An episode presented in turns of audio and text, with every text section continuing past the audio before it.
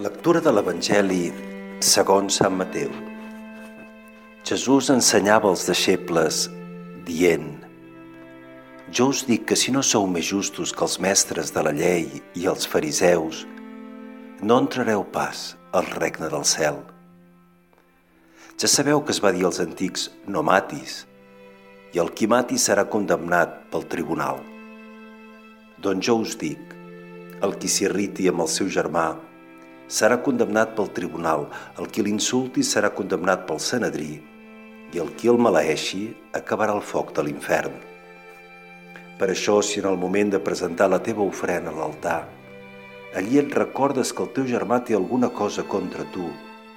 deixa allí mateix, davant l'altar, la teva ofrena i vés primer a fer les paus amb el teu germà ja tornaràs després a presentar la teva ofrena. Afanya't a arribar a un acord amb el qui et vol denunciar mentre vas amb ell camí del tribunal. No sigui cas que et posi en mans del jutge i el jutge en mans dels guardes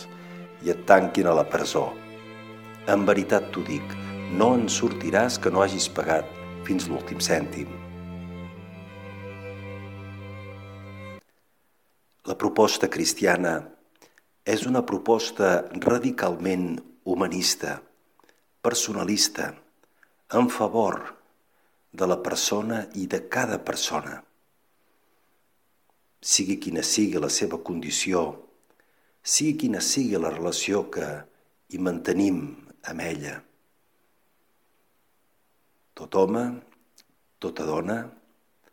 pel fet de ser un ésser humà són fills del Pare del cel i han de ser tractats com a germans, no com un imperatiu categòric, moral, extern, que un s'imposa o que la religiositat imperant fa que sigui acceptat per tots, sinó com una exigència del cor. És per això que Jesús no es contenta i no, no en té prou eh, recomanar-nos una moral de mínims, una moral de fets externs, sinó que ens suggereix que és possible que el nostre cor realment sigui renovat i que els nostres sentiments, per tant, siguin des de l'arrel transformats. No es tracta de fer bones obres, no es tracta de perdonar amb un mig sentiment de superioritat als altres, d'evitar de fer coses negatives només perquè això és el que he de fer per estar d'acord amb una certa moral, uns certs comportaments establerts per una determinada religió, sinó que es tracta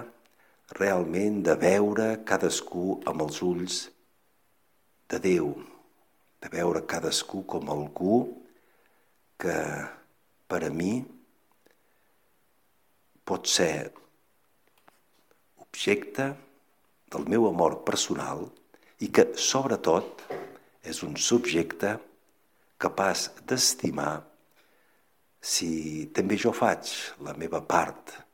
estimant-lo, perquè ell s'adoni d'aquesta seva potencialitat. Que puguem, doncs, avui no viure d'una forma farisaica, és a dir, només salvant les aparences,